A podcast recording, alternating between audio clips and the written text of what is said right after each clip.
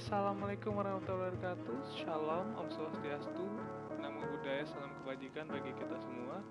Halo, saya Dagus Jaksono Sahlan dari Prodi Pendidikan Bahasa Inggris Universitas Pendidikan Indonesia. Nah, di podcast kali ini tuh kita mau ngomongin tentang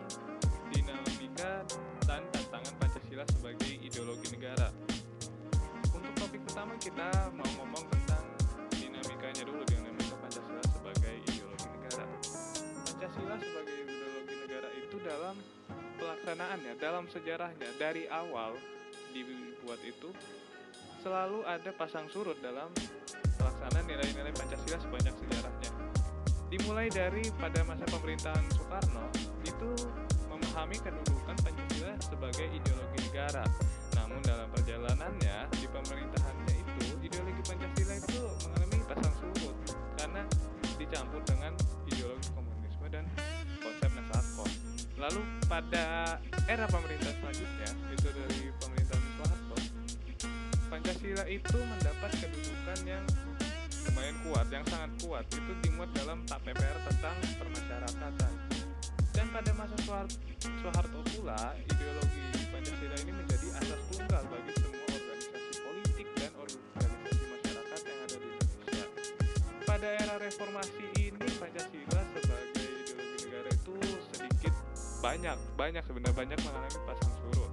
Itu ditandai dengan enggannya para penyelenggara negara mewacanakan tentang Pancasila bahkan berujung pada hilangnya Pancasila dalam kurikulum nasional. Meskipun pada akhirnya itu timbul kesadaran tentang pentingnya Pancasila di perguruan tinggi. Nah, lalu kita mau lanjut ke tantangan Pancasila sebagai ideologi negara.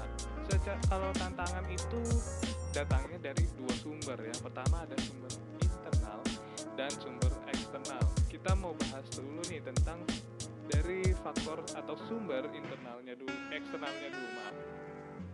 Nah, dari faktor eksternalnya itu dipengaruhi oleh pertarungan ideologis antara dua negara superpower. Yang pertama adalah Amerika Serikat dan Uni Soviet dari tahun 45 sampai tahun 90 yang berakhir dengan bubarnya Uni Soviet dan sekarang Amerika menjadi satu-satunya negara superpower.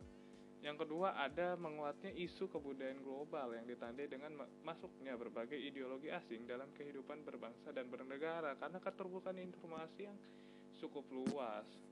Yang ketiga itu ada meningkatnya kebutuhan dunia akibat pertambahan penduduk dan kemajuan teknologi sehingga sumber daya alam itu dieksploitasi secara masif. Dampaknya adalah kerusakan lingkungan yang terjadi di muka bumi. Lalu tantangan Pancasila juga datang dari internal Indonesia sendiri. Yang pertama, karena adanya pergantian rezim yang berkuasa, yang melahirkan kebijakan politik yang sering kali itu berorientasi pada kepentingan kelompok atau kepentingan parpol, sehingga ideologi Pancasila itu sering terabaikan. Lalu, penyalahgunaan kekuasaan itu sering terjadi akibatnya kepercayaan masyarakat itu terhadap rezim yang berkuasa menjadi turun drastis sehingga juga kepercayaan masyarakat terhadap ideologi juga menurun drastis begitu. Nah, intinya Pancasila sebagai ideologi negara bagi mahasiswa itu adalah untuk memperlihatkan peran ideologi sebagai penuntun moral dalam kehidupan bermasyarakat, berbangsa, dan bernegara, sehingga ancaman berupa penyalahgunaan narkoba, terorisme, dan korupsi itu dapat dicegah.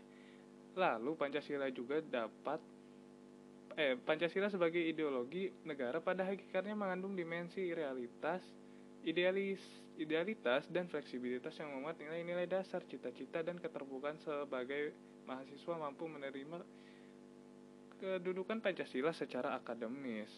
Terima kasih, stay on the cast. Begitu saja dari saya. Wassalamualaikum warahmatullahi wabarakatuh. Stay safe, stay health semua di masa pandemi saat ini. Kurang-kurangi keluar rumahnya work from home aja ya karena situasinya lagi lumayan berbahaya di luar. Oke, okay? Terima kasih. Bye bye.